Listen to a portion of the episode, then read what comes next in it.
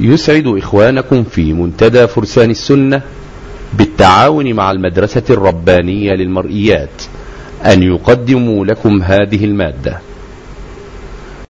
إن المتقين في جنات ونعيم فاكهين بما آتاهم ربهم ووقاهم ربهم عذاب الجحيم. كلوا واشربوا هنيئا بما كنتم تعملون.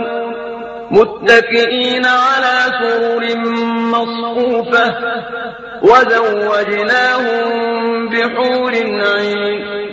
والذين آمنوا واتبعتهم ذريتهم بإيمان ألحقنا بهم ذريتهم وما عملهم من شيء. كل امرئ بما كتب رهين.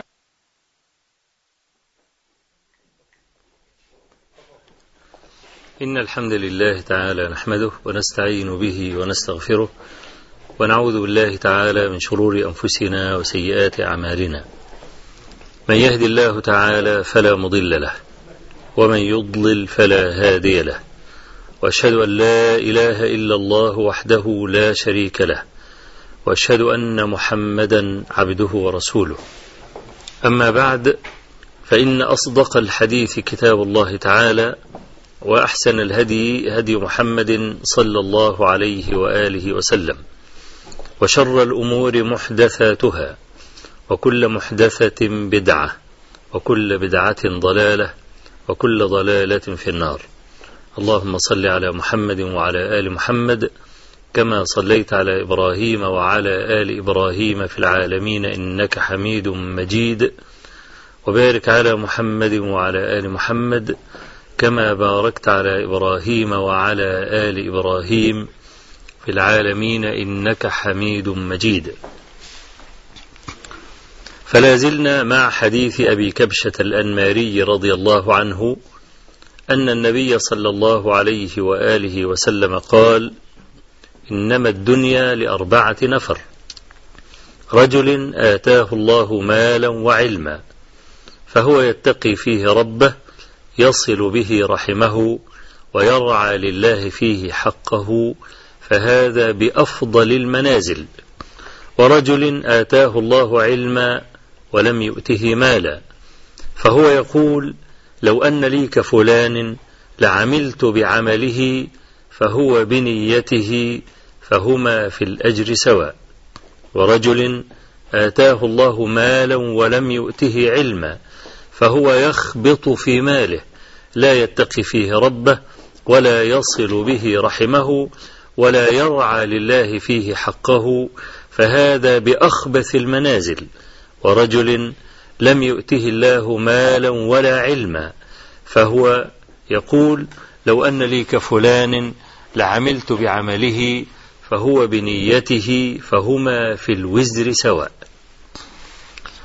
ونحن مع الرجل الأول المزكى الذي وصل إلى قبة هذا الأمر والفضل وإلى ذروة سنامه ألا وهو العالم الغني. فذكر النبي صلى الله عليه وآله وسلم أنه يتقي فيه ربه أي يتقي ربه في العلم ويتقي ربه في المال. فكنا افتتحنا الكلام قبل ذلك بتقوى الله في العلم. ونحن لا زلنا نسلط الأضواء على هذا المعنى لأن الدنيا لا تستقيم إلا بتقوى الله في العلم. والعلماء مثل الجهاز المناعي للأمة. إذا أصيب الجهاز المناعي فقد المرء حياته. فصلاح العلماء هو صلاح الدنيا كلها. وفساد العلماء هو فساد الدنيا جميعا. والسبب في ذلك كما يقول أهل العلم أن العلماء هم الذين يوقعون عن الله في الأرض. فإذا قال العالم هذا حلال أو هذا حرام فإنما ينسب هذا إلى رب العالمين. فلا بد أن يتحقق العالم من فتواه أو من كلامه قبل أن يقول هذا حلال وهذا حرام. ولذلك كان الأئمة السابقون أحيانا أو كثيرا كثيرا ما يقول الواحد منهم يعجبني أن, تف أن تفعل كذا ولا يعجبني أن تفعل كذا. فقيل للإمام أحمد رحمه الله تعالى ألا تقول هذا حلال وهذا حرام؟ فتلا قول الله عز وجل ولا تقولوا لما تصف ألسنتكم الكذب هذا حلال وهذا حرام لتفتروا على الله الكذب.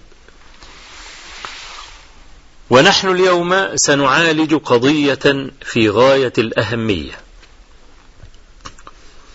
وهذه القضية كانت سببا في ضعف هذه الأمة وفي ضعف انتماء أفرادها إلى الدين انتماء حقيقيا. ومن ارتكب هذه المصيبة الفادحة والداهية الدهياء لم يتق الله عز وجل في العلم ألا وهي مسألة التعصب المذهبي. لقد خسرت الأمة كثيرا بهذا التعصب وقامت حروب بالأقلام وفوق بعضهم إلى بعض سهام الملام بسبب هذا. لكن قبل أن أدخل في هذه القضية لا بد أن أبدأ الشوط من أوله حتى ينكشف الأمر ويظهر على حقيقته. نحن نعلم أن جزيرة العرب قبل مجيء النبي صلى الله عليه وسلم وبعثته إليهم كانوا جماعة من الهمج الهامج يأكل القوي منهم الضعيف والعزيز يدوس على الذليل بحيث أنه لم يكن هناك صولة ولا جولة إلا لأهل السيادة. فبعث الله عز وجل نبيه صلى الله عليه وآله وسلم فثابت القلوب إليه. كما قال جابر ابن عبد الله الأنصاري رضي الله عنه فيما رواه الإمام أحمد في مسنده بسند قوي وصححه ابن حبان في صحيحه. قال ظل رسول الله صلى الله عليه وآله وسلم عشر سنين يتبع الحاج في مجنة وعكاظ وفي المواسم بمنى. يدعوهم إلى الله عز وجل. ويقول من يؤويني ومن ينصرني حتى أبلغ رسالات ربي وله الجنة. ويمشي بينهم وفي رحالهم. يدعوهم إلى الله عز وجل وهم يشيرون إليه بالأصابع. حتى أن الرجل لا يأتي ذوي رحمه من مضر أو من اليمن فيأتيه الآتي فيقول له احذر غلام قريش لا يفتنك. حتى بعثنا الله عز وجل له من يثرب فآمنا به وآويناه وصدقناه. فكان يجيئه الرجل بعد الرجل حتى لم يبق دار من دور الأنصار إلا وفيهم واحد أو اثنان أسلم ويقرئهم ويقرئهم رسول الله صلى الله عليه وآله وسلم القرآن. فاجتمعنا سبعون رجلا فقلنا إلى متى يظل رسول الله صلى الله عليه وآله وسلم يطرد في جبال مكة ويخاف. فتواعدنا معه في شعب العقبة في موسم الحج. فجئناه الرجل بعد الرجل وكان معه العباس ابن عبد المطلب رضي الله عنه وهو عم النبي صلى الله عليه وسلم. فقال العباس للنبي صلى الله عليه وسلم يا ابن أخي هؤلاء قوم أحداث أنا لا أعرفهم. أنا ذو معرفة برجال يثرب. قال فجئنا رسول الله صلى الله عليه وسلم فقلنا يا رسول الله علام نبايعك؟ قال عليه الصلاة والسلام تبايعونني على النشاط على السمع والطاعة في النشاط والكسل.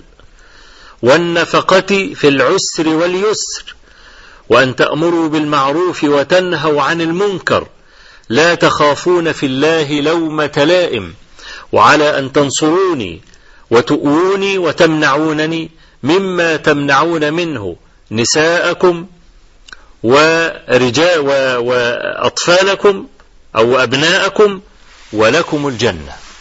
قال فقمنا إليه نبايعه. فقال أسعد بن زرارة وكان أصغر هؤلاء السبعين.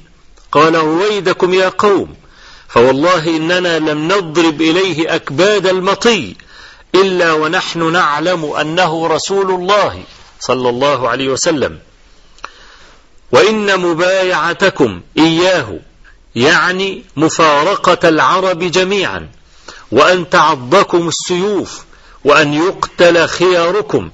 فإما أنكم قوم تصبرون على مفارقة العرب وعلى قتل سيوفك وعلى قتل خياركم وأن تمسكم أو أن تعضكم السيوف وإلا فبينوا فإنه أعذر لكم عند الله تبارك وتعالى. فقال السبعون أمط عنا يدك يا أسعد بن زرارة فوالله لا نقيل هذه البيعة ولا نستقيلها. فقمنا إليه صلى الله عليه وآله وسلم. نبايعه بشرطة العباس يبايع أحدنا ويعطينا على ذلك الجنة. ها هذا كان هو بدء الدعوة. مجموعة من الشباب الأحداث كما يقول العباس ابن عبد المطلب أتوا وتواعدوا على أن ينصروا النبي صلى الله عليه وآله وسلم وعلى أن يمنعوه من أي أذى كما يمنعون الأذى والاعتداء على أبنائهم أو على نسائهم. ولا زال الأمر كذلك. ويعظم النبي صلى الله عليه وآله وسلم في صدورهم حتى كان الواحد منهم لا يقبل مطلقا أن يعارض قول النبي صلى الله عليه وسلم بقول ولا فعل. وكانوا يجعلون هذا حدا فاصلا في الموالاة والمعاداة. ولهم في ذلك وقائع مشهورة كثيرة نذكر بعضها. فمن ذلك مثلا ما أخرجه الشيخان من حديث عبد الله بن المغفل رضي الله عنه وكان له ابن أخ يحذف أو يخذف. يخذف اللي هو بيضرب إيه؟ يعني الحصاة بالنبل. كان كان يلعب بالنبل. فرآه يخذف من الخذف أو الحذف اللي هو القذف يعني. فنهاه عن ذلك. وقال له إن رسول الله صلى الله عليه وآله وسلم نهى عن الحذف أو الخذف كلاهما صحيح. وقال إنها لا تنكأ عدوا ولا تصيد صيدا ولكنها تفقأ العين وتكسر السن. ثم رجع عبد الله بن المغفل رضي الله عنه فوجده يخذف مرة أخرى فقال له أحدثك عن رسول الله صلى الله عليه وسلم أنه نهى عن الخذف وتخذف والله لا كلمتك أبدا. وجعل هذا حدا فاصلا بينه وبينه وقاطعه على ذلك. ومن ذلك أيضا ما رواه مسلم في صحيحه من حديث أبي قتادة العدوي. قال كنا عند عمران بن حسين رضي الله عنه فحدث عن رسول الله صلى الله عليه وآله وسلم حديثا. قال الحياء خير كله أو قال الحياء كله خير. فقال بشير بن كعب وكان يجلس معنا في حلقة عمران. قال إنا لنجد في الكتب أن منه سكينة ووقارا لله وأن منه ضعفا. فغضب عمران حتى احمرتا عيناه وقال أحدثك عن رسول الله صلى الله عليه وآله وسلم وتحدثنا عن الكتب؟ قال فجعلنا نطيب خاطر عمران. فأعاد عمران الكلام عن النبي صلى الله عليه وسلم إن الحياء خير كله. فأعاد بشير بن كعب مقالته الأولى فغضب عمران جدا حتى يعني هدأوه وقالوا له يا أبا نجيد إنه منا إنه لا بأس به إنه طيب الهوى. وفي صحيح مسلم من حديث بلال بن عبد الله بن عمر رضي الله عنه قال كنت عند عبد الله يعني أباه. فقال قال رسول الله صلى الله عليه وسلم لا تمنع النساء حظوظهن من المساجد. فقال بلال لنمنعهن. وفي حديث عبد الله بن هبيرة عند الطبراني في الأوسط والكبير بسند مقارب عن بلال ابن عبد الله بن عمر أن بلالا لما قال هذا الكلام لعنه عبد الله بن عمر وبكى وقام مغضبا وقال أقول قال رسول الله صلى الله عليه وسلم لا تمنع النساء حظوظهن من المساجد وتقول لأمنعهن وقام باكيا مغضبا وفي رواية أنه ما سمح له أن يدخل عليه حتى مات ليه؟ لأنه خالف رسول الله صلى الله عليه وسلم ولو بالقول. وفي مسند الإمام أحمد بسند صحيح على شرط مسلم والحديث في صحيح مسلم ببعضه وليس بجميعه. قال أبو برزة الأسلمي رضي الله عنه كان الصحابة إذا أراد أحدهم أن يزوج ابنته لا يزوجها حتى يعرضها على رسول الله صلى الله عليه وآله وسلم. فإن كان له حاجة فعل.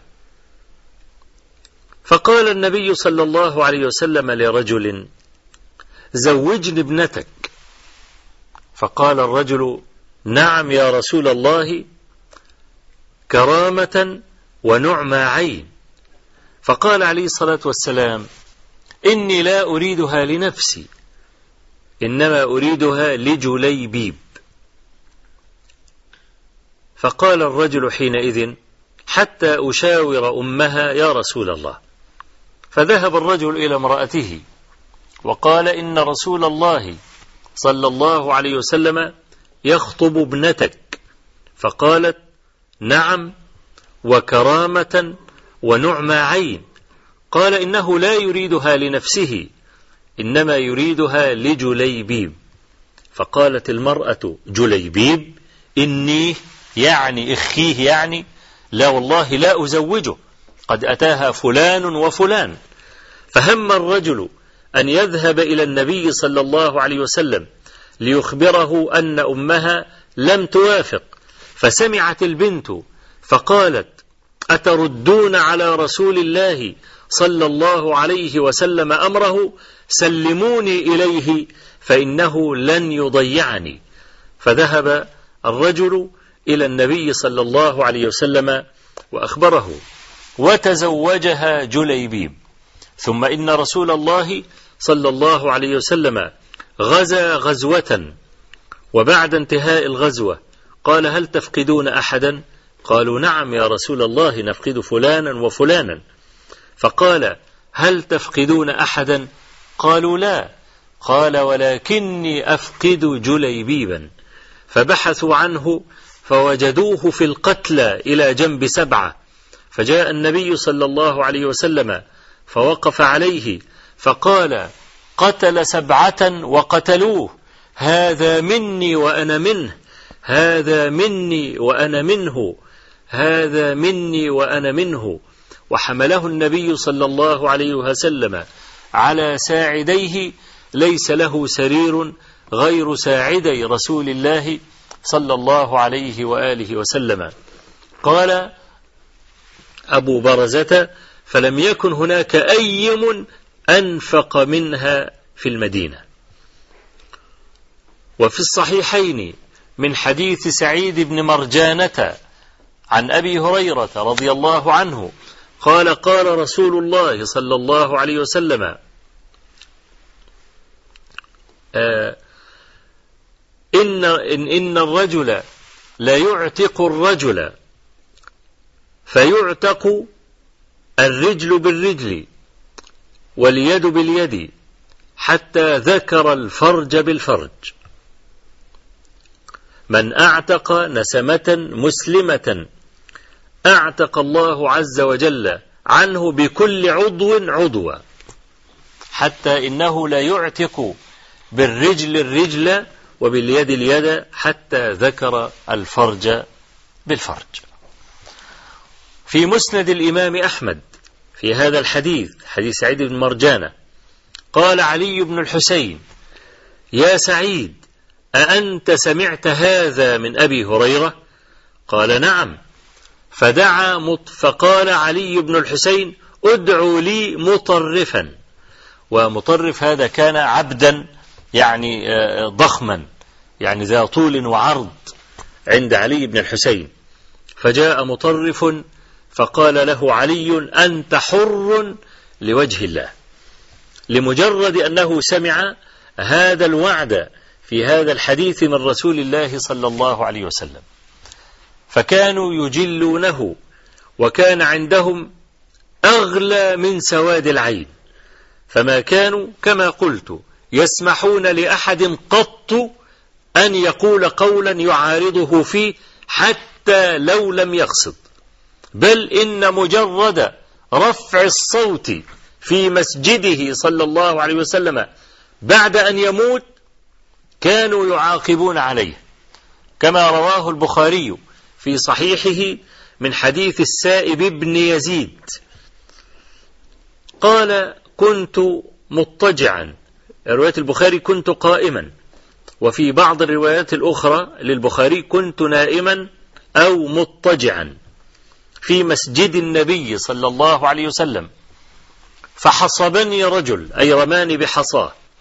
فنظرت فإذا هو عمر بن الخطاب رضي الله عنه. فجئته فقال ائتني بهذين. فذهبت إلى رجلين كان في المسجد يتكلمان بصوت عال. فقال لهما عمر من أين أنتما؟ فقال نحن من الطائف. قال لو كنتما من أهل البلد لأوجعتكما أترفعان أصواتكما في مسجد رسول الله صلى الله عليه وسلم وصل الأمر إلى هذا الحد أنه لا يجوز أن ترفع الصوت عليه لأن حرمته حيا كحرمته ميتا.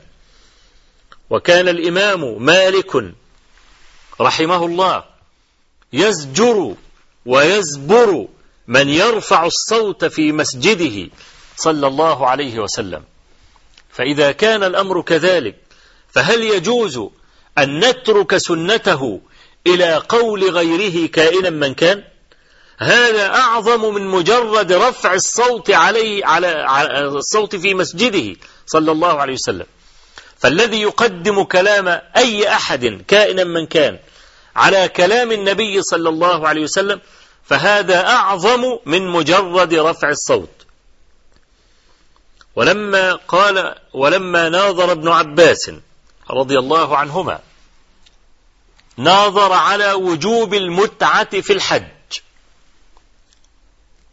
فقال له بعض أصحابه إن أبا بكر وعمر لم يكونا ممن يريان المتعة في الحج.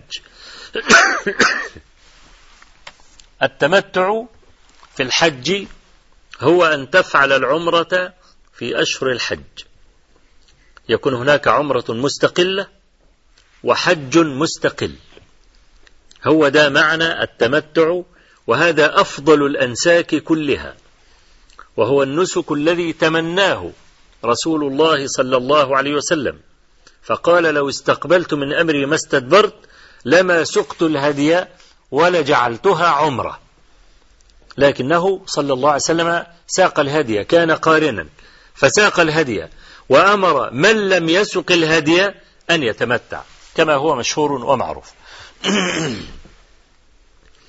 فكان ابن عباس يرى وجوب المتعة وجوب أن يتمتع المرء. فقال له بعض أصحابه إن أبا بكر وعمر لم يكون يريان ذلك. فقال ابن عباس توشك أن تنزل عليكم حجارة من السماء. أأقول لكم قال رسول الله صلى الله عليه وسلم وتقولان أبو بكر وعمر وهل لأحد قول مع قول رسول الله صلى الله عليه وآله وسلم؟ هذا النفس الزكي وهو ألا يقدم على كلام النبي صلى الله عليه وسلم كلام أي أحد كائنا من كان هذا النفس الزكي ورثه الصحابة إلى التابعين. وورثه التابعون إلى تابعيهم حتى وصل إلى الأئمة المتبوعين الذين هم أصحاب المذاهب الفقهية المعروفة كأبي حنيفة ومالك والشافعي وأحمد وسفيان والأوزاعي وداود بن علي وغيرهم من أهل العلم وليست المذاهب محصورة في أربعة إنما المذاهب كثيرة. لكن عاشت المذاهب الأربعة لأن أصحاب هؤلاء الأئمة اعتنوا بكلامهم واعتنوا بجمع أصولهم وشرحها وترتيبها وتلخيصها فلذلك عاشت هذه المذاهب. فهذا النفس الزكي استمر مع استمر يسري في أوصال هذه الأمة.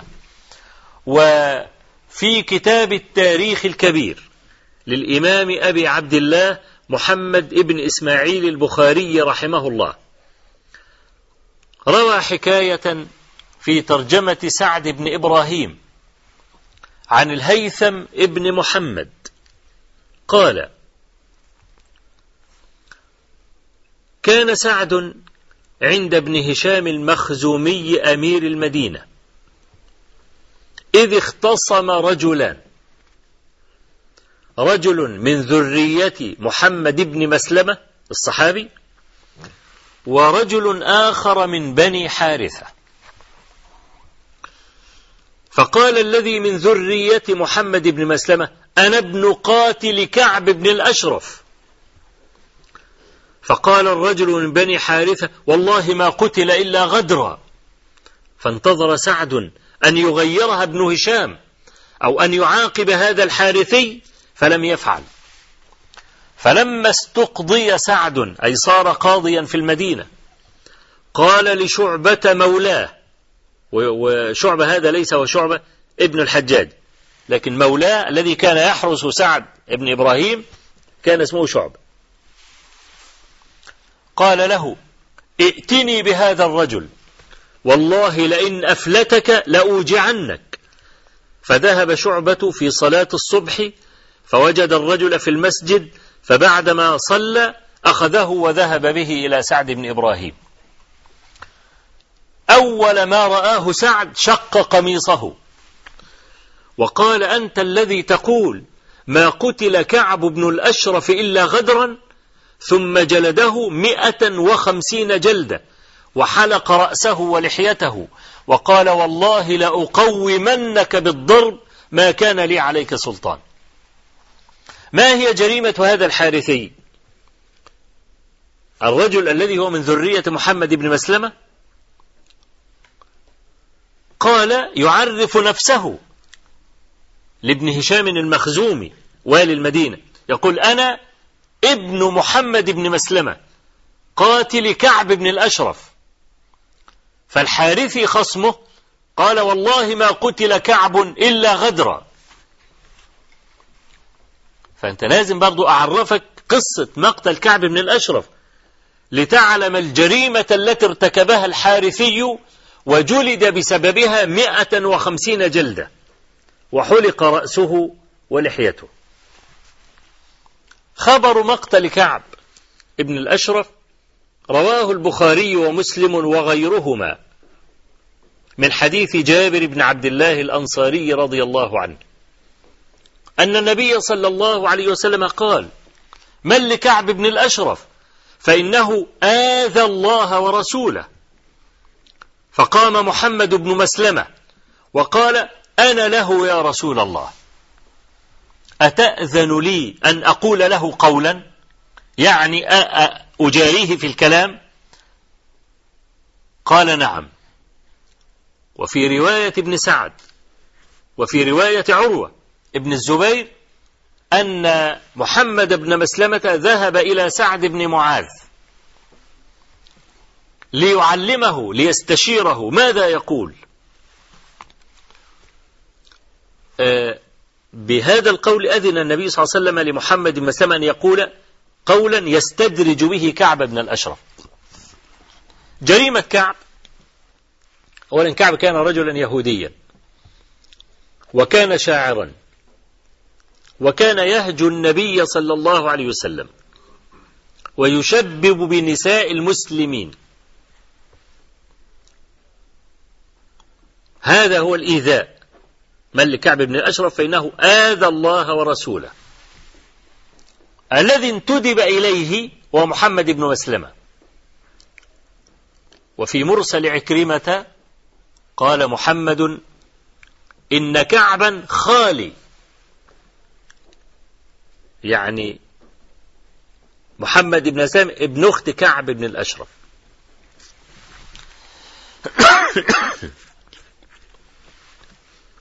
ذهب محمد بن مسلمة يشتكي النبي صلى الله عليه وسلم إلى كعب. فقال له إن هذا الرجل قد عنانا كل يوم يطلب صدقة صدقة. عنانا ومنذ جاءنا ونحن في بلاء منه. فقال كعب وأيضا والله لتملنه. لسه هتملوا منه. فقال محمد بن مسلمة لكننا لا نريد أن نفارقه حتى نعلم عاقبة أمره. وقد جئت أستلف منك وسقا أو وسقين. وسق شعير وسق قمح. فقال له كعب ارهنوني ارهنوني شيئا. فقال محمد بن مسلمة بما نرهنك؟ قال ارهنوني نساءكم. فقال محمد ابن مسلمة كيف نرهنك نساءنا وأنت أجمل العرب؟ يعني المرأة إذا رهناك المرأة ستقع في حبك ولن تنظر إلينا بعد ذلك وهذا فتنة لنا. قال ارهنوني أبناءكم. قال هذا عار علينا. يسب أحدهم يوما فيقال رهن بوسق أو وسقين ولكن نرهنك اللأمة. اللأمة هي السلاح. اللأمة دي اللي هو الدرع الحديد اللي كان بيلبسه المقاتل أو الخوذة الحديد التي يضعها المقاتل على رأسه. عدة الحرب. اسمها اللأمة. فتواعدا على موعد إن هو يأتي باللأمة كرهن في مقابل وسق أو وسقين من شعير أو من قمح. فذهب محمد بن مسلمة وأبو نائلة. أبو نائلة ده أخو كعب ابن الأشرف من الرضاعة. وأبو عبس ابن جبر. وعباد بن بشر. واتفقوا على إن هم يذهبوا إلى كعب بن أشرف في نص الليل وينادونه فإذا نزل محمد بن سلمة عمل الخطة قال إن أنا هشم راسه وبعدين امسكه من راسه وإنتوا تضربوه. وفعلا ذهب هؤلاء الأربعة وعلى رأسهم محمد ابن مسلمة وأبو نائلة رضيع كعب أخوه من الرضاعة. فنادى أبو نائلة وكان كعب بن الأشرف حديث عهد بعرس. لسه متجوز بقاله يوم يومين ثلاثة أربعة. فقال أبو نائلة يا كعب انزل. فقالت امرأة كعب كيف تنزل في هذه الساعة؟ وأنت رجل محارب.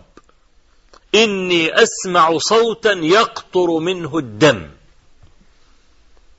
فقال لها كعب هذا رضيعي هذا أخي أبو نائلة.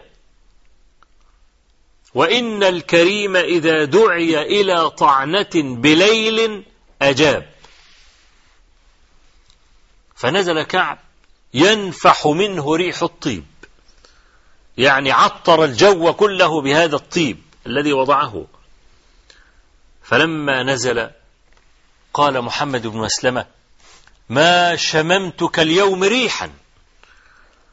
فقال له كعب عندي أعطر العرب. أي المرأة التي تزوجها هي أعطر العرب. فقال محمد ابن مسلمة أتأذن لي أن أشم رأسك؟ قال نعم. فشم رأسه ثم تركه. وبدأ كل واحد من الأربعة يشم رأسه. فقال محمد بن مسلمة أتأذن لي مرة أخرى أن أشم رأسك؟ قال نعم. فلما أمكنه من رأسه أمسك محمد ابن مسلمة برأسه وقال دونكم عدو الله فاقتلوه فقتلوه. ورجعوا إلى النبي صلى الله عليه وآله وسلم فبشروه بقتل هذا الصنديد. فلما يقول الحارثي لابن محمد بن مسلمة والله ما قتل كعب إلا غدرا بهذا اتهام للنبي صلى الله عليه وسلم أنه يغدر. ولم يكن الغدر من شيمته. لكن هذا سلوك الحرب. ولذلك الإمام البخاري رحمه الله وضع هذا الحديث وقد رواه في عدة مواضع من صحيحه. فوضعه في كتاب الجهاد وبوب عليه بقوله باب الكذب في الحرب أي إنسان في دولة تحارب أخرى وده مكلف كجاسوس أو, أو عين أو نحو ذلك فيجب عليه أن يكذب أسر في الحرب لا يجوز له. أن, أن, أن, أن يقول الصدق كان يقول عدد الجيش كذا أو في مطاراتنا في المكان الفلاني أو خطتنا الخطة الفلانية هذا لا يحل له أن يقول ذلك. بل يجب عليه أن يكذب. فهذا في في ضرورة الحرب. فالنبي عليه الصلاة والسلام عندما يقول من لكعب بن أشرف فإنه آذى الله ورسوله فلا يجوز لأحد أن يقول قتل غدرا. هي دي الجناية التي وقع فيها الحارثي. لما قال ما قتل إلا غدرا انتظر سعد بن إبراهيم أن يغيرها ابن شام مخزومي وأن يعاقب هذا الرجل وأن يقول له كيف تقول هذا؟ أنه ما قتل إلا غدرا والذي أمر بقتله هو النبي صلى الله عليه وسلم. حتى استقضي سعد حتى صار قاضيا. لم ينسى القضية ولم تخرج من رأسه. أول ما استقضي وصار له سلطان على هذا الرجل أرسل إليه وأتى به وقال أنت الذي تقول ما قتل كعب إلا غدرا ثم جلده مئة وخمسين جلدة وحلق رأسه ولحيته وقال والله لأقومنك بالضرب ما كان لي عليك سلطان. وكذلك ذكر محمد ابن عبد الرحمن ابن أبي ذئب وهو أحد أئمة المدينة من أقران مالك. قال قضى سعد ابن إبراهيم في قضية وهو قاضي يعني برأي ربيعة بن أبي عبد الرحمن. فقال له ابن أبي ذئب كيف تقضي بهذا؟ وعندنا في كلام النبي صلى الله عليه وسلم خلافه. فقال له وما ذاك؟ قال له كذا وكذا. فقال سعد لربيعة. اللي هو ربيعة بن أبي عبد الرحمن شيخ مالك.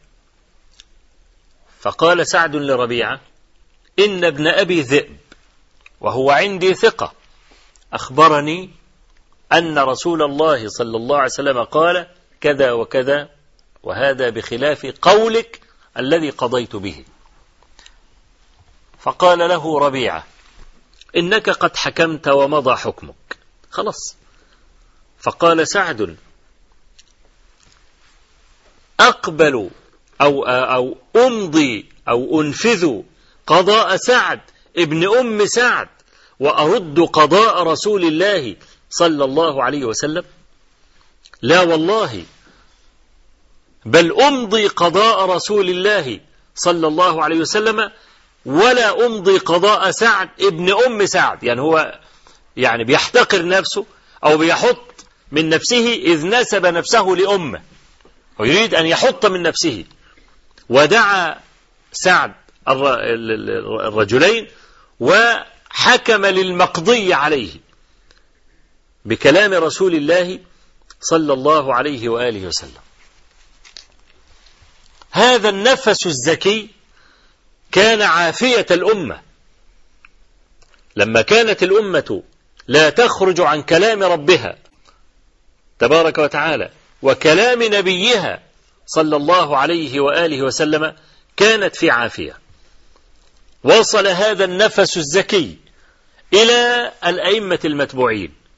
وقالوا كلاما واضحا في المسألة لا لبس فيه ولا غموض وتبرأوا أحياء وأمواتا من مخالفة النبي صلى الله عليه وسلم في دقيق ولا جليل.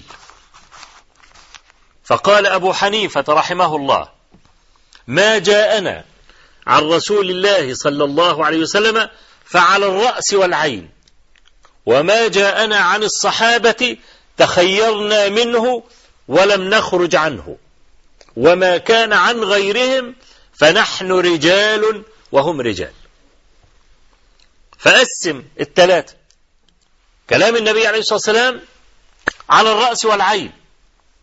ده فيش فيه نقاش. لأن الله عز وجل أوجب طاعته في أكثر من سبعين موضعا في كتاب الله تبارك وتعالى. وجعل الحجة قائمة بكلامه صلى الله عليه وسلم.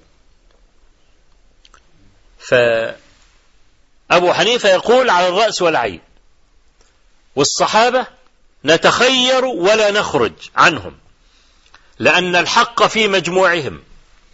فيمكن إذا جاءني قول عن الصحابي وجاءني قول معارض عن صحابي آخر نظرنا الدليل مع من؟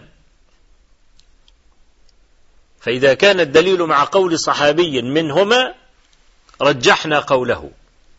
أو لو كان أكثر الصحابة يقولون بهذا يمكن أن تكون علامة ترجيح.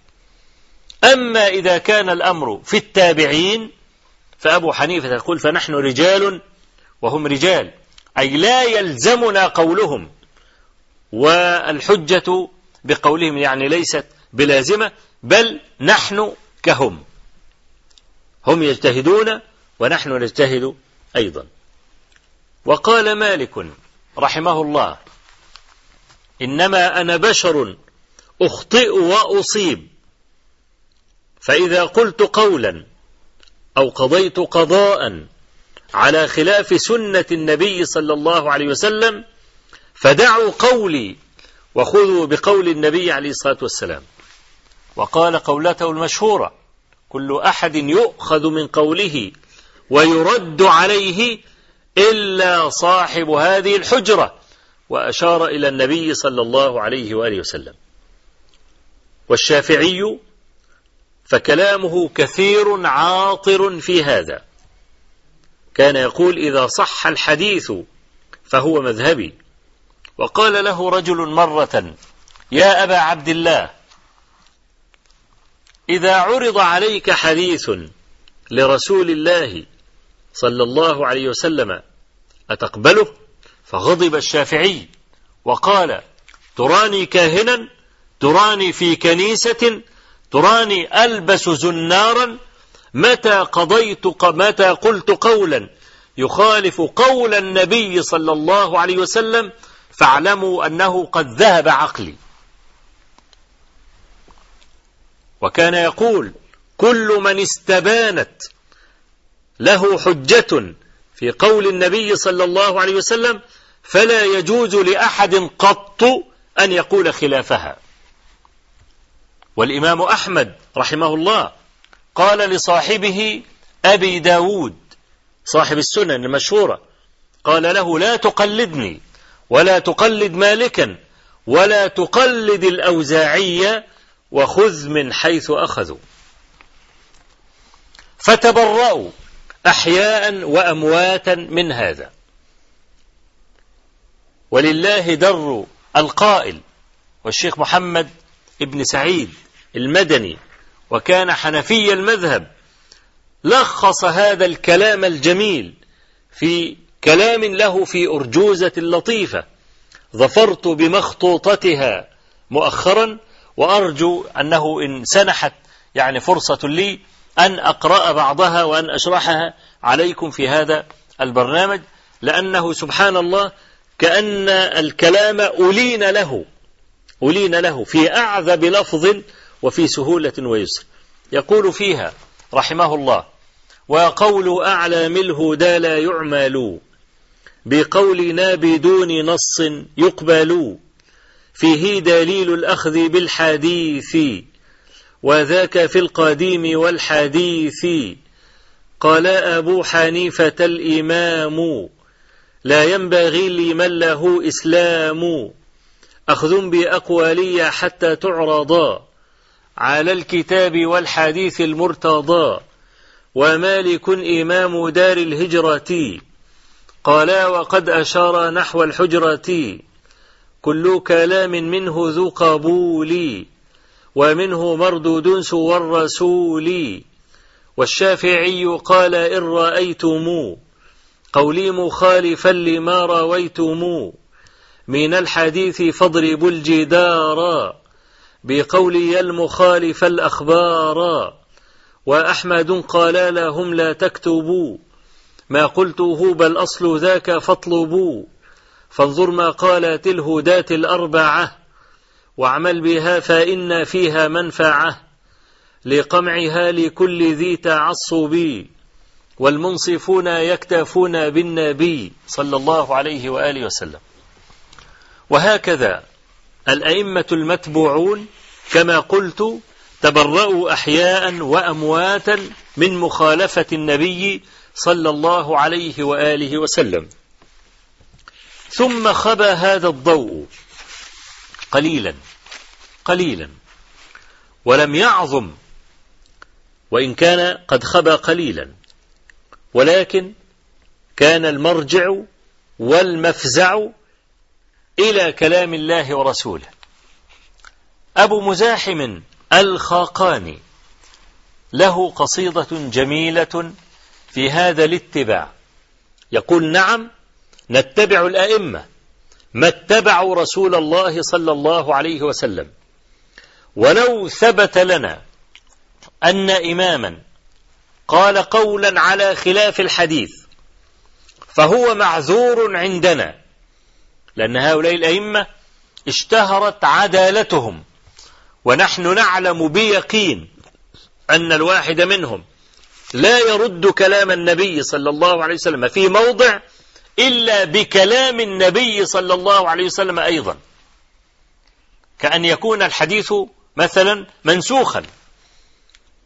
كأن يكون الحديث منسوخا. كالقضية الشهيرة في مس الذكر. هل ينقض الوضوء أم لا؟ إذا مس المرء فرجه هل ينتقض وضوءه أم لا؟ أبو حنيفة رحمه الله يرى أنه لا ينتقض. والأئمة الثلاثة يرون أنه ينتقض الوضوء بمس الفرج. لماذا اختلفوا؟ ما اختلفوا تشهيا. إنما كان لأبي حنيفة دليل. وللأئمة الآخرين دليل آخر. أما دليل أبي حنيفة فهو حديث طلق بن علي رضي الله عنه. أنه سأل النبي صلى الله عليه وسلم عن مس الفرج أينقض الوضوء أم لا؟ فقال عليه الصلاة والسلام ما هو إلا بضعة منك. يعني إذا مسست فرجك كأنما مسست أنفك أو كأنما مسست خدك أو رأسك أو رجلك أو يدك. ما هو إلا بضعة منك؟ فاعتمد أبو حنيفة على هذا الحديث. قال الأئمة الآخرون بل ينتقد لأن بسرة بنت صفوان رضي الله عنها روت عن رسول الله صلى الله عليه وآله وسلم أنه قال من مس ذكره فليتوضأ فقالوا هذا الحديث ناسخ لحديث طلق بن علي. في بعض الناس قال لك ناسخ ليه؟ ما هو دليل النسخ؟ ما هو أصل النسخ هو الرفع. يقال هذا الحكم منسوخ أي مرفوع ومعزول عن العمل به. أدي معنى كلمة إيه؟ منسوخ. والناسخ هو الذي يعمل به. طيب علشان أثبت النسخ لابد من تاريخ. التاريخ ده يقول لي إن حديث صلق بن علي كان اولا وحديث بسرة بنت صفوان كان اخرا. ما هو الأخير هو اللي بينسخ المتقدم مش العكس. يعني أنا الآن قلت قولا.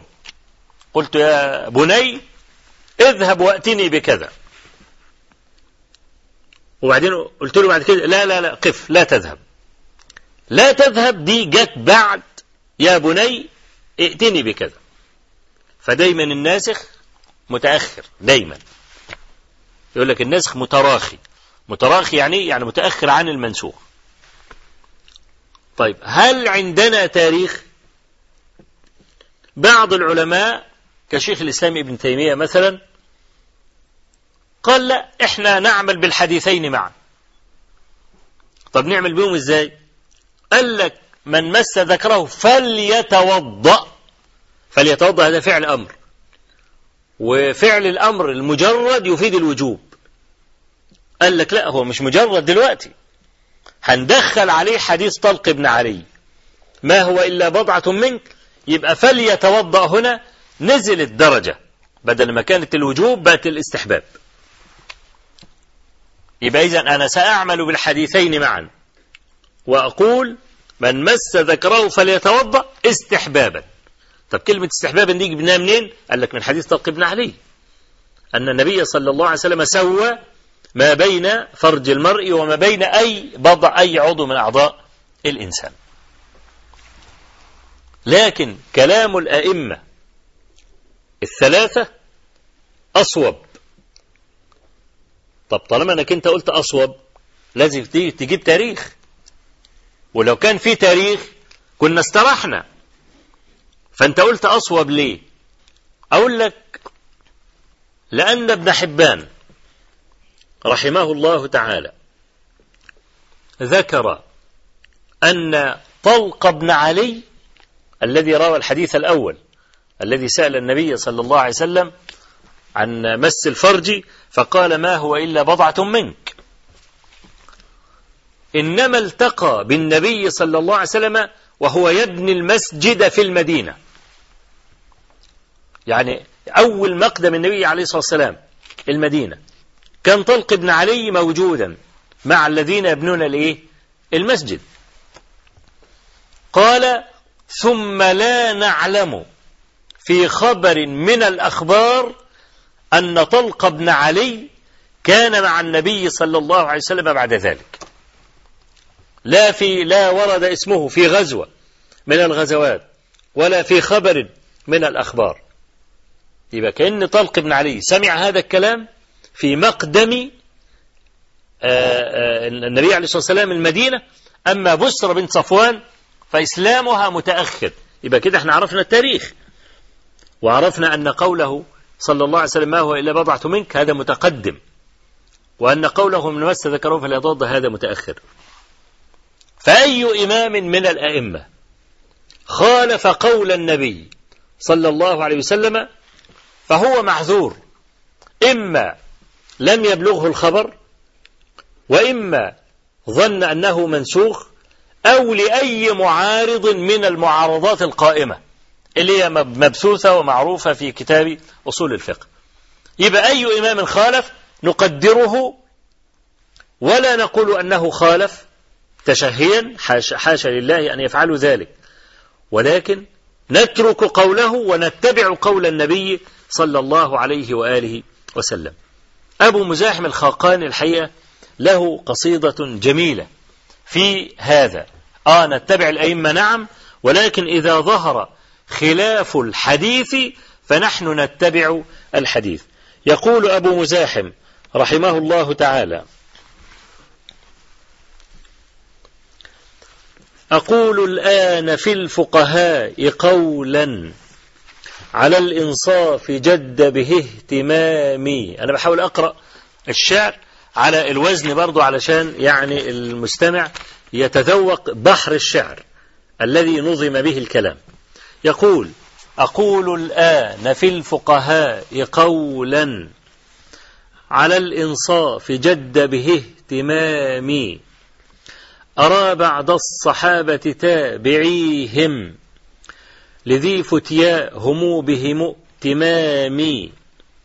علمت إذا عزمت على اقتدائي. بهم بهم أني مصيب في اعتزامي. وبعد التابعين أئمة لي سأذكر بعضهم عند انتظامي. فسفيان العراق ومالك في حجازهم وأوزاعي شامي. ألا وابن المبارك قدوة لي. نعم والشافعي أخو الكرام. وممن أرتضي فأبو عبيد. وأرضى بابن حنبل الإمام. فآخذ من مقالهم اختياري وما أنا بالمباهي والمسامي وأخذي باختلافهم مباح لتوسيع الإله على الأنام ولست مخالفا إن صح لي عن رسول الله قول بالكلام إذا خالفت قول رسول ربي خشيت عقاب رب ذي انتقام وما قال الرسول فلا خلاف. له يا رب أبلغه سلامي. عليه الصلاة والسلام. جميل كلام جميل. ده ده كان يعني كلام الأئمة السابقين. قلت خبى هذا الضوء. ضوء الاتباع تقديم الحديث عدم نصب معارض للنبي صلى الله عليه وسلم بأي تحت أي عذر تحت أي عذر يكون خبى هذا الضوء قليل بدأ يحصل بقى مسألة التعصب للأئمة. وكل رجل يفضل إمامه بل أحيانا بعضهم كان يقول لو قال الإمام قولا وجاءني الحديث يخالف ذلك أخذت بقول الإمام. ليه؟ تأخذ بقول الإمام ليه؟ قال لك لأن الإمام قبل أن يفتي بالفتوى بيجمع الأدلة ويعرف الناسخ من المنسوخ والمطلق من المقيد والخاص من العام والمجمل من المبين. بيسلط الأدلة بعضها على بعض يطلع في الآخر بالحكم. فإذا جاء رجل بحديث في مقابل قول الإمام قد يكون هذا الحديث منسوخا. ليس عليه العمل. قد يكون هذا الحديث مخصصا أو مقيدا. مثلا أو اللفظ مشترك. يحتمل عدة معان. فأنا لا آمن أن الحديث ده ورد عليه الاعتراضات دي. لكن قول الإمام عادة يكون صوابا. ليه؟ لأنه أعمل الأدلة كلها. في واحد قال هذا الكلام. رد عليه الإمام محمد بن سعيد صاحب المنظومة الشهيرة. يقول وقال بعض لو أتتني مئة من الأحاديث رواها الثقة وجاءني قول عن الإمام قدمته يا قبح ذا الكلام من استخف عامدا بنص ما عن النبي جا كفارته العلماء وليحذر المغرور بالتعصب من فتنة برده قول النبي واعجب لما قالوا من التعصب أن المسيح حنفي المذهبي. آه. في بعض الحنفية ذكروا أقصوصة خرافية في بعض كتبهم أن عيسى عليه السلام في آخر الزمان لا يجد شيئا يحكم به لأنه سيحكم بالإسلام. سيكون عيسى عليه السلام أحد أفراد أمة النبي صلى الله عليه وآله وسلم. تقول الخرافة أنه لا يجد شيئا يحكم به فيمشي حائرا على ضفة نهر من الأنهار وإذا بيد تخرج من النهر وتحمل صندوقا. فيأخذ عيسى هذا الصندوق فيفتحه فإذا هو مذهب أبي حنيفة فيحكم عيسى بن مريم في هذه الأمة بمذهب أبي حنيفة. هو هذه اللوثة كيف جاءت؟ جاءت بسبب التعصب. واعجب لما قالوا من التعصب أن المسيح حنفي المذهبي فينعي على هؤلاء وقال بعض لو أتتني مئة من الأحاديث رواها الثقة وجاءني قول عن الإمام قدمته يا قبح ذا الكلام. كلام قبيح. ليه؟ لأنه افرض الآن الحديث صح عن النبي عليه الصلاة والسلام. أهو. وقول الإمام يخالف الحديث. هو الإمام ده معصوم. أليس من الجائز أن يكون هذا الإمام أخطأ في هذا التفريع؟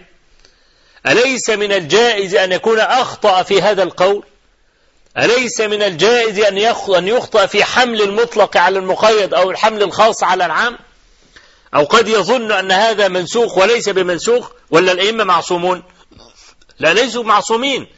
فإذا ورد مثل هذا على قول الإمام فقول النبي صلى الله عليه وسلم أولى بالاتباع. ليه؟ لأن الإمام ليس بمعصوم. أنت عمال تقول لي الحديث قد يكون منسوخا قد يكون مخصصا قد يكون مقيدا وأنا بقول لك على الطرف الآخر والإمام قد يكون مخطئا. في هذا الكلام. فإذا ورد هذا على كلام الإمام فاتباع الحديث أولى وهذا باتفاق كل العلماء. إن أنه إذا تعارض حديث صحيح عن النبي صلى الله عليه وسلم وكلام لعالم ولم يجد الإنسان مرجحا ما بين الحديث وما بين قول العالم يجب عليه أن يتبع قول النبي صلى الله عليه وسلم. وليفرض أن النبي عليه الصلاة والسلام هو الذي أمره وهو واقف بين يديه أيسعه أن يقول لا؟ يقول تقي الدين السبكي رحمه الله في رسالته الماتعة. بيان قول الإمام المطلب إذا صح الحديث فهو مذهبي. الإمام المطلبي اللي هو الإمام الشافعي رحمه الله تبارك وتعالى. لما يقول إذا صح الحديث فهو مذهبي. فقال هذا الكلام الجميل. وليفرض المرء نفسه بين يدي النبي عليه الصلاة والسلام إذا وصله الحديث. أيسعه أن يتخلف؟ لا يسعه أن يتخلف. وكان هذا تصرف الأئمة. يعني في مستدرك الحاكم. أن جماعة من أشجع أتوا عبد الله بن مسعود رضي الله عنه.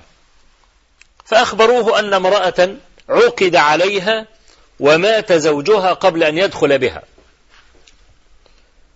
ما الذي لها وما الذي عليها؟ فقال ابن مسعود ما عرضت علي مسألة منذ فارقت رسول الله صلى الله عليه وسلم أشد علي من هذه. سلوا غيري. فظلوا شهرا يراجعونه. حتى قالوا له من نسأل؟ أنت أعلمنا وأنت الذي صاحبت النبي صلى الله عليه وسلم وصاحبت أصحاب النبي صلى الله عليه وسلم فمن نسأل غيرك؟ فلا زالوا به حتى قال سأقول فيها قولا فإن كان صوابا فمن الله وإن كان خطأ فالله ورسوله بريئان منه. لها لها صداق نسائها. ولها الميراث وعليها العدة أربعة أشهر وعشرة فقام معقل ابن, ابن يسار فشهد أن النبي صلى الله عليه وسلم قضى في مثل هذه في امرأة يقال لها بروع بنت واشق قضى بمثل هذا القضاء. فما فرح عبد الله ابن مسعود بعد إسلامه كفرحه بأنه أصاب في هذا الحديث. يقول الحاكم سمعت أبا عبد الله محمد محمد ابن يعقوب ابن يعقوب الحافظ. يقول يروي بسنده أن الشافعي قال لو صح حديث بروع بنت واشق قلت به. يقول أبو عبد الله محمد بن يعقوب لو كنت لو حضرت الشافعية لقمت على رؤوس أصحابه وقلت له صح الحديث فقل به. آه هو يصير حينئذ مذهب الشافعي. ولا يقال إن الشافعي توقف في الحديث طالما أنه صح. نعم لم يعلم صحة الحديث الشافعي لكنه قال إذا صح الحديث فهو مذهبي يصير مذهبا له. وقد فعل بعض الأئمة المتأخرين من الشافعية كإلماوردي مثلا أحد أئمة الشافعية نقل النووي كلامه فيما يتعلق بالصلاة الوسطى ما هي؟ فرجح النووي أنها العصر لتواتر الأحاديث بذلك. وقال ونص الشافعي على أنها الصبح على أنها الصبح. ثم نقل قول الماوردي يقول صحت الأحاديث أن الصلاة الوسطى هي العصر ومنصوص الشافعي أنها الصبح ومذهب الشافعي إذا صح الحديث فهو مذهبي فيصير مذهب الشافعي أن الصلاة الوسطى هي العصر ولا يكون للأصحاب فيها قولان. يعني ما نقولش في قولين في المذهب الشافعي قول إنها الصبح وقول إنها العصر بل هو قول واحد فقط وهو العصر ليه لصحة الأحاديث بذلك؟ وقد سبق أن قال الشافعي إذا صح الحديث فهو مذهب. آه. يبقى إذا أنا لو فرضنا أنني تمذهبت بمذهب ما ثم تبين لي أن مذهبي خطأ وأن الصواب في مذهب فلان فيجب علي وجوبا أن أتبع الحق حيث كان. ولا يخرجني ذلك عن كوني شافعي المذهب. أو حنفي المذهب أو مالكي أو حنبلي أو أي مذهب آخر. ليه؟ لأن الأصل أن الحجة لا تقوم إلا بكلام النبي صلى الله عليه وآله وسلم. قلت إن هذا الضوء خفت خفت وحصل نوع من التعصب للأئمة بصورة كما قلت أضعفت هذه الأمة وقامت حروب لدرجة أنه أفتى في زمان من الأزمنة. أفتى بعض الحنفية أفتى بعض الحنفية أنه لا يجوز لامرأة حنفية أن تتزوج من شافعي. ليه؟ هو الشافعي ده بقى ملة تانية؟ آه. قال لأنهم يستثنون في الإيمان. يعني الشافعي يقول يجوز أن يقول الرجل أنا مؤمن إن شاء الله.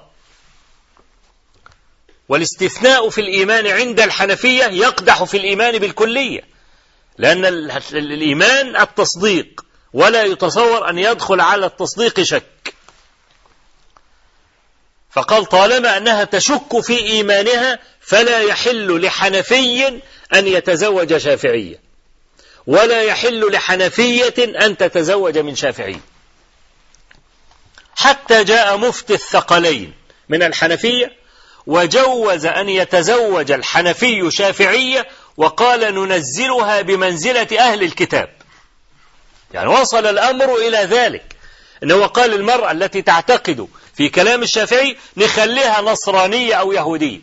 كما يجوز أن تزوج المرأة نصرانية أو يهودية. يعني تساهل الرجل إلى درجة أن قال ننزلها منزلة إيه؟ أهل الكتاب. وصلت العصبية المذهبية إلى هذا الحد.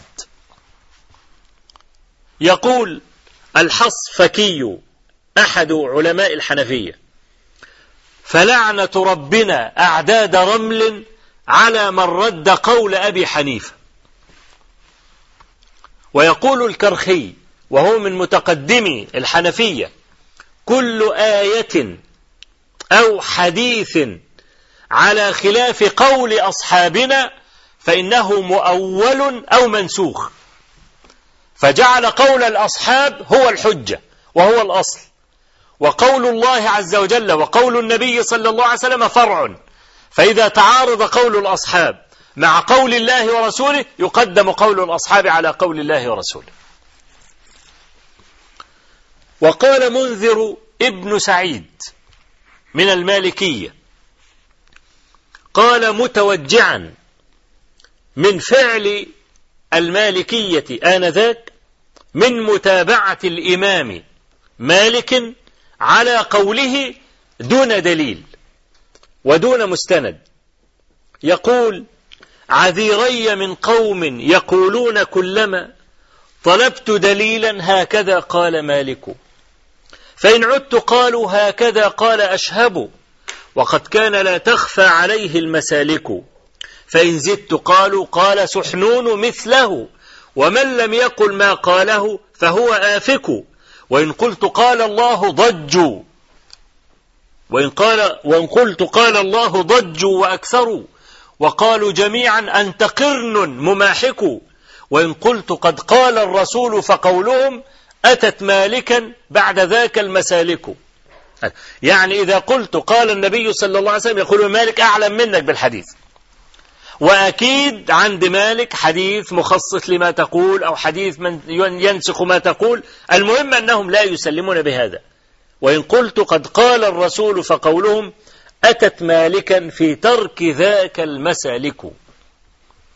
ويقول محمد ويقول محمد ابن إبراهيم البوشنجي وهو أحد شيوخ الإمام مالك رحمه الله يقول ومن شعب الإيمان حب ابن شافع. ابن شافع والشافعي يعني. وفرض أكيد حبه لا تطوع. وإني شافعي ما حييت فإن أمت. فتوصيتي بعدي فتوصيتي لمن بعدي بأن يتشفعوا وقال الآخر أنا حنبلي ما حييت فإن أمت. فوصيتي للناس أن يتحنبلوا وقال آخر من الزيدية إذا جادلت بالقرآن خصمي أجاب مجادلا بكلام يحيى. فقلت كلام ربك عنه وحي أتجعل قول يحيى عنه وحيا؟ يعني كل ما أتكلم يقول لي يحيى. الإمام يحيى ده إمام من أئمة الزيدية. فيقول كلام ربك عنه وحي. يعني كلام الله عز وجل وحي من الله عز وجل. أتجعل قول يحيى عنه وحيا يعني أتجعل قول يحيى كأنه وحي من الله تبارك وتعالى؟ لا يجوز خلافه. استمرت بقى هذه المعارك المذهبية كما قلت التي أضعفت الأمة ضعفا شديدا حتى قال القائل متوجعا أيضا إذا سألوني عن مذهبي لم أبح به وأكتمه كتمانه لي أسلم. فإن حنفيا قلت قالوا بأنني أبيح الطلا وهو الشراب المحرم. وإن مالكيا قلت قالوا بأنني أبيح لهم أكل الكلاب وهم هم. وإن شافعيا قلت قالوا بأنني أبيح نكاح البنت والبنت تحرم. وإن حنبليا قلت قالوا بأنني ثقيل حلولي بغيض مجسم. وإن قلت من أهل الحديث وحزبه يقولون تيس ليس يدري ويفهم. تعجبت من هذا الزمان وأهله. ومن ذا من ألسن الناس يسلم. وأخرني دهري وقدم معشرا على أنهم لا يعلمون وأعلموا وصلت المسألة إلى درجة أن الرجل كان إذا سئل عن مذهبه لا يقول به. ليه؟ لأنه سيعيره. يقول له هو أنت حنفي؟ آه مش أنتوا اللي بتقولوا كذا وكذا وكذا. طيب أنت مالك؟ آه مش أنتوا اللي بتقولوا الكلاب تتاكل ومش عارف إيه. أنت شافعي؟ آه مش بتقول الشافعي يقول يجوز للرجل أن يتزوج ابنته من الزنا؟ يكره للرجل أن يتزوج ابنته من الزنا؟ والكراهة محل الجواز. الكراهة والجواز يعني ممكن جائز مع الكراهة. عشان كده نسبوا للشافعي أنه يجيز للرجل أن يتزوج ابنته من الزنا. والشافعي لم يقل طبعا بهذا. وحاشا مذهب الشافعي في العلم أن يقول مثل هذا. والإمام أحمد بن حنبل في صفات الله عز وجل يقول نمرها. يقول لك لا ده مجسم وحلولي إذا أثبت لله عز وجل يدا أو أثبت له عينا. مثلا أو أثبت له إصبعا أو أثبت له قدما كما جاء في الحديث في الأحاديث الصحيحة. بغير تشبيه ولا تعطيل ولا تكييف. يقول لك لا ده مجسم. وإن قال إنه من أهل الحديث يقولوا ما بيفهمش. هم جماعة بتوع مرويات حمالة الحطب. زي ال ال كالحمر. شايل الجواهر وما تعرفش ان شايلة جواهر. يستوي عندها الجوهر مع التراب. أو حمل والسلام. يقول لك أهل الحديث دول ما بيفهموش حاجة. ما لهمش في القصة دي. وإن قلت من أهل الحديث وحزبه يقولون تيس ليس يدري ويفهمه. فيبقى الواحد لما يكتم المذهب بتاعه يستريح. وصلت المسألة إلى هذا الحد. لكن لم يخلو عصر من الأعصار من إمام بل أئمة يدعون إلى اتباع الكتاب والسنة وأنه لا يجوز لأحد أن يخالف النبي صلى الله عليه وسلم في دقيق ولا جليل متى جاء الحديث عن النبي عليه الصلاة والسلام وعارضه قول الإمام ولم نجد في سنة النبي صلى الله عليه وسلم قولا يرد قوله أيضا عليه الصلاة والسلام فالحجة بكلامه صلى الله عليه وسلم لازمة ولا يحل لأحد أن يخالفه كائنا من كان. يبقى أي رجل يتعصب لإمام من الأئمة على حساب السنة. يبقى ده لم يتق الله عز وجل في العلم. بل تقوى الله في العلم أن تقف عند النص. كما قال ابن عباس رضي الله عنهما قد أفلح من انتهى إلى ما سمع. وأسأل الله عز وجل أن ينفع الأمة بهذا الكلام. ويعني بقي شيء قليل من الوقت. نتلقى فيه بعض الاتصالات. نعم. نعم. السلام عليكم. وعليكم السلام ورحمة الله. عم الشيخ ازيك عم الشيخ؟ الله يحفظك. اتفضل لما حضرتك مدحت لو سمحت حضرتك كنت عايز على حاجة. نعم. كنت عايز على حاجة. اتفضل ارفع صوتك بس. آه كنت عايز على ال- القرض. عن إيه؟ موضوع القرض عايز بس عن موضوع القرض. القرض؟ آه. ها الكرب لو مهما كانت الظروف يعني هو حرام ولا ممكن لو في ظروف مثلا جامدة وممكن تسبب مثلا ضرر يبقى في الحالة دي زي حلال طيب. نعم.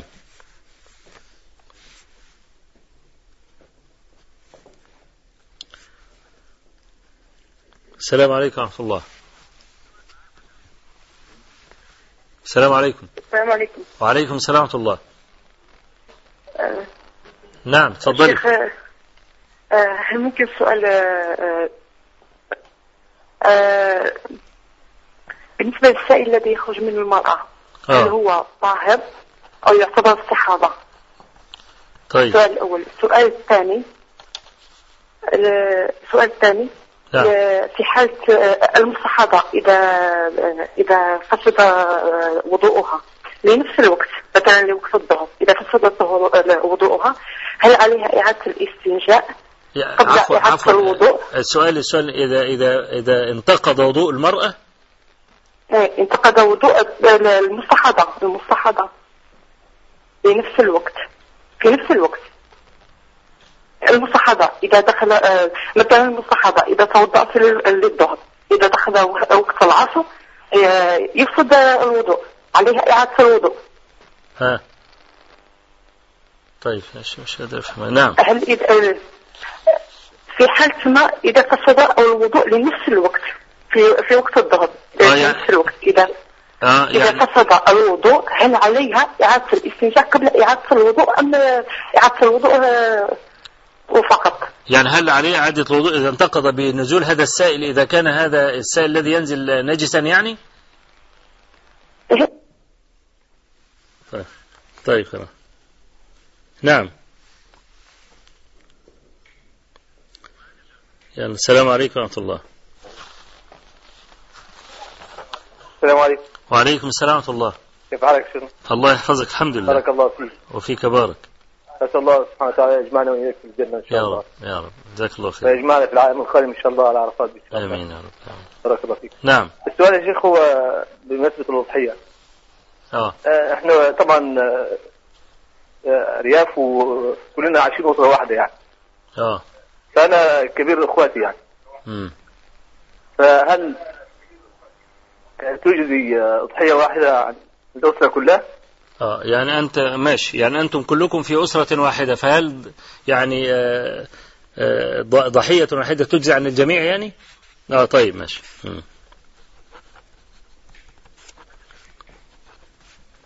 نعم. نعم، السلام عليكم ورحمة الله. والله الله يقويك إن شاء الله. تفضل. السلام عليكم ورحمة الله. السلام عليكم شيخ. وعليكم السلام الله. تفضل. تفضل. آه شيخ نعم. آه الله يجزاك خير إن شاء الله. أنا من العراق. أهلا وسهلا. آه شيخ العزيز آه من يستغيث بالأموات. من نعم. يستغيث بالأموات. آه هل يستغيث يصلى بالأموات؟ عليه؟ مم. نعم يستغيث بالأموات. هل نعم. يصلى عليه؟ هل يصلى عليه؟ نعم. نعم. نعم.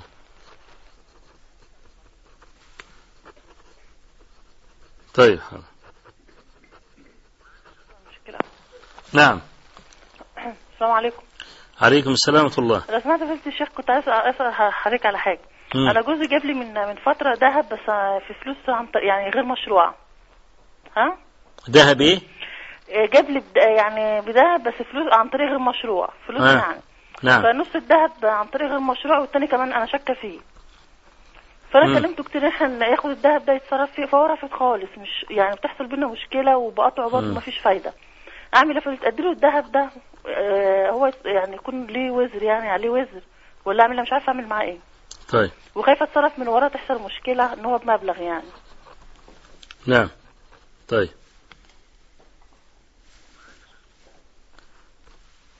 السلام عليكم ورحمة الله. السلام عليكم. وعليكم السلام ورحمة الله.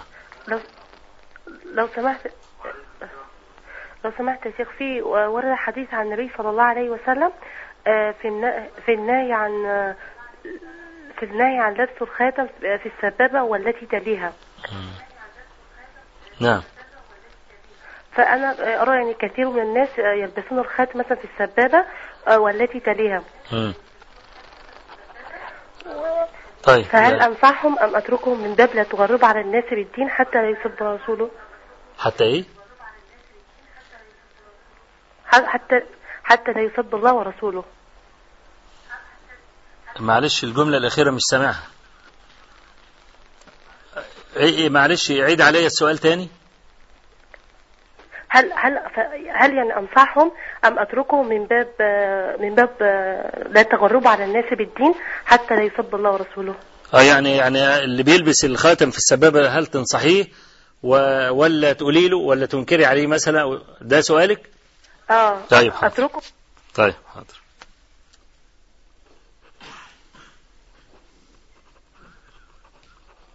نعم. السلام عليكم ورحمة الله. وعليكم السلام ورحمة الله وبركاته. شيخ عندي سؤال جزاك الله خير. تفضل. آه بارك الله فيك شيخ. هناك قاعدة فقهية تقول آه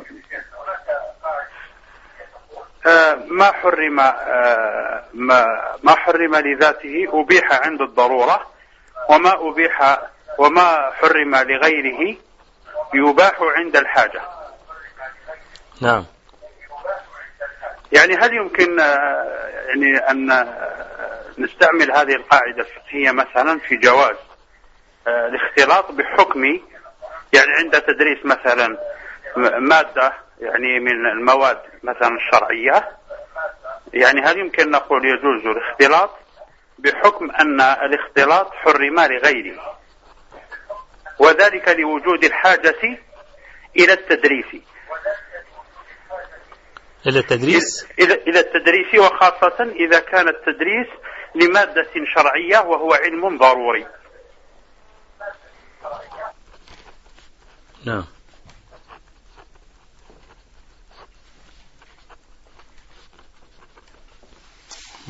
طيب خلاص.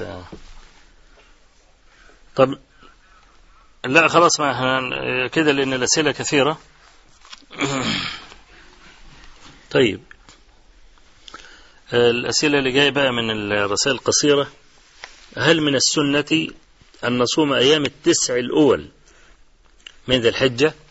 أقول أنه آه، ورد ذلك في حديث أم سلمة رضي الله عنها أن النبي صلى الله عليه وسلم كان يصوم التسع من ذي الحجة ولكن ورد عن عائشة رضي الله عنها أنها قالت ما صام النبي صلى الله عليه وسلم العشر قط. طبعا حديث عائشة محمول على أنه ما واظب عليه الصلاة والسلام على صيام العشر آه، لأن حديث أم سلمة صحيح. وحديث النبي صلى الله عليه وسلم عام يعني ما من أيام العمل الصالح حب فيها إلى الله عز وجل من عشر ذي الحجة. فلا نخصها بصوم فقط بل العمل اسم جنس محل بالألف واللام يفيد العموم. أي عمل يتقرب المرء به إلى الله عز وجل في هذه الأيام فهو أحب إلى الله عز وجل. إذا كان رجلا يخرج صدقة فأخرجها في هذه الأيام. إذا كان يتلو كتاب الله عز وجل فختمه في هذه الأيام. يعني كل يوم يقرأ له مثلا بتاع ثلاث أجزاء ونص بحيث أن هو في التل في الأيام التسعة يخلص القرآن الكريم. إذا وصل رحمه إذا عفى عمن ظلمه أي عمل من أعمال البر في هذه الأيام في العشر الأول فهذا من أحب العمل إلى الله تبارك وتعالى. آه يقول آه يعني آه حديث إن صيام يوم واحد من العشر الأول من ذي الحجة يعدل صيام سنة وقيام ليلها يعدل قيام ليلة القدر. هذا حديث لا يصح. نعم. آه الأخ بقى هو بيسأل عن القرض. هل يجوز القرض للضرورة أم لا؟ نقول إن القرض إذا جر نفعا فهو ربا. ومعروف إن أي قرض يعني إذا أخذ الإنسان من بنك مثلا أو الكلام ده هو معروف أنه لابد أن يركب عليه فائدة. فهذا محرم لا يجوز لأن الله عز وجل نهى عن الربا قليله وكثيره وقال فإن لم تفعلوا فأذنوا بحرب من الله ورسوله. ولك مندوحة في أموال الزكاة. إذا كنت رجلا مدينا أو كنت فقيرا وعليك دين ولا تستطيع اذهب إلى بعض من يعدلك عند أهل المال فهؤلاء يسدون عنك حاجتك. وبكل أسف قابلني من قلت له هذا الكلام فيستنكف تماما أن يأخذ من أموال الزكاة شيئا. يقول أنا أخذ من الزكاة؟ ثم يسهل عليه أن يذهب فيأخذ قرضا ربويا. أنا بقول له لا. إذا افترضنا جدلا أنه يجوز لك أن تقترض بالربا الكلام ده بعد أن تسد كل أوجه الحلال في وجهك. ولا تجد شيئا ووصلنا بقى إلى حد الضرورة الملجئة لارتكاب الحرام فحينئذ يجوز. لكن لا يجوز ولا يحل مطلقا إلا إذا طرقت كل أبواب الحلال الممكنة. ثم تعذر عليك. وأبواب الحلال موجودة بالذات سهم الزكاة. يعني باب الزكاة كمصرف من المصارف ده ده باب واسع وهذه الأمة ملآنة بالخير بحمد الله تبارك وتعالى. ما ندبنا الناس في يوم من الأيام الأغنياء إلى شيء من الخير إلا وسدوه. هذه الأمة ملآنة بالخير لكن تحتاج إلى من يستخرجه. فلذلك أنا أقول يعني اذهب وشوف حد بقى من ممن يعدلك واعرض عليه قضيتك وتجد إن شاء الله عز وجل مصرفا وفرجا. بالنسبة لي الأخ اللي بيسأل عن الأضحية هل تجزي عن الأسرة كلها؟ نعم. تجزئ عن الأسرة كلها أضحية واحدة. والأخ اللي بيقول يعني أنه في واحد بيستغيث بالأموات ثم مات هل يصلى عليه أم لا؟ أقول ينظر إن كان جاهلا فيعذر ويصلى عليه. إذا كان جاهلا رجل من العوام الذين لا يعرفون قبيلا من دبير وكثير من هؤلاء لا يعرفون الحق فعلا. ونحن صادفنا مئات بل ألوف في أنا أتكلم عن نفسي في حياتي الدعوية من أناس كانوا يستغيثون بالأموات وكانوا يتمسحون بالقبور فلا يناهم في القول. وأوصلنا له بالحجة ورجع كثير جدا منهم عما كانوا يفعلون. فغياب السنة النبوية وغياب الأحاديث وغياب طبعا ده كله مترتب على غياب العلماء الربانيين الذين لهم لسان صدق في الأمة. هو ده يعني أحد الأسباب بحيث أن المرأة صار في بلاد الإسلام كأنه يعيش في جاهلية جهلاء لا يعرف أبجديات التوحيد. هذا فضلا عن في ناس بتصد صدا عن المسألة دي. إذا تكلمت قلت يا أنه لا يجوز أن يتوسل بميت ولا أن يتمسح بضريح طلع الجماعة اللي هم سند سدنت هذه الأضرحة وقاوموا أشد المقاومة لأن في استفادة بالغة من صندوق النذور. قبل ما تتقسم القصة في صندوق النذور يعني أنا قرأت سنة 1976 إن الفراش في مسجد السيد البدوي كان نصيبه 23 ألف جنيه. 23 ألف جنيه. صناديق النذور دي بتدخلها ملايين. ملايين مملينة حتى قال القائل أحياؤنا لا يرزقون بدرهم وبألف ألف يرزق الأموات. حافظ إبراهيم قال هذا ال ال الكلام.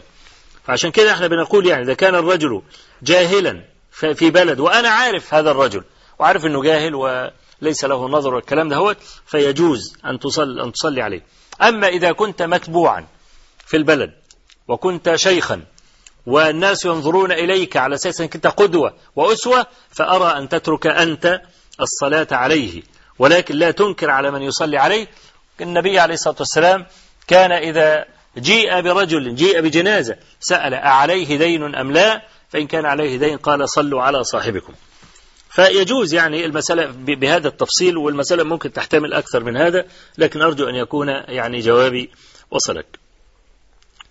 الوقت اللي بتسأل عن الذهب أن زوجها أتى لها بذهب من أموال غير مشروعة ومن أموال مشكوك فيها. أقول لها إذا كان الذهب أتى من مصدر غير مشروع بيقين وأنت تعلمين هذا فلا تلبسين هذا الذهب. ممكن يبقى كنز وهو حر. فيه. أما إذا كان أنت شك في المسألة دي فهذا مباح لك أن تتزيني بالذهب المشكوك في مصدره. نعم. آه وتسأل الأخت عن لبس الخاتم في السبابة والتي تليها. آه نعم. حديث علي بن أبي طالب. صح أن النبي صلى الله عليه وسلم نهى عن لبس الخاتم في هذا الإصبع.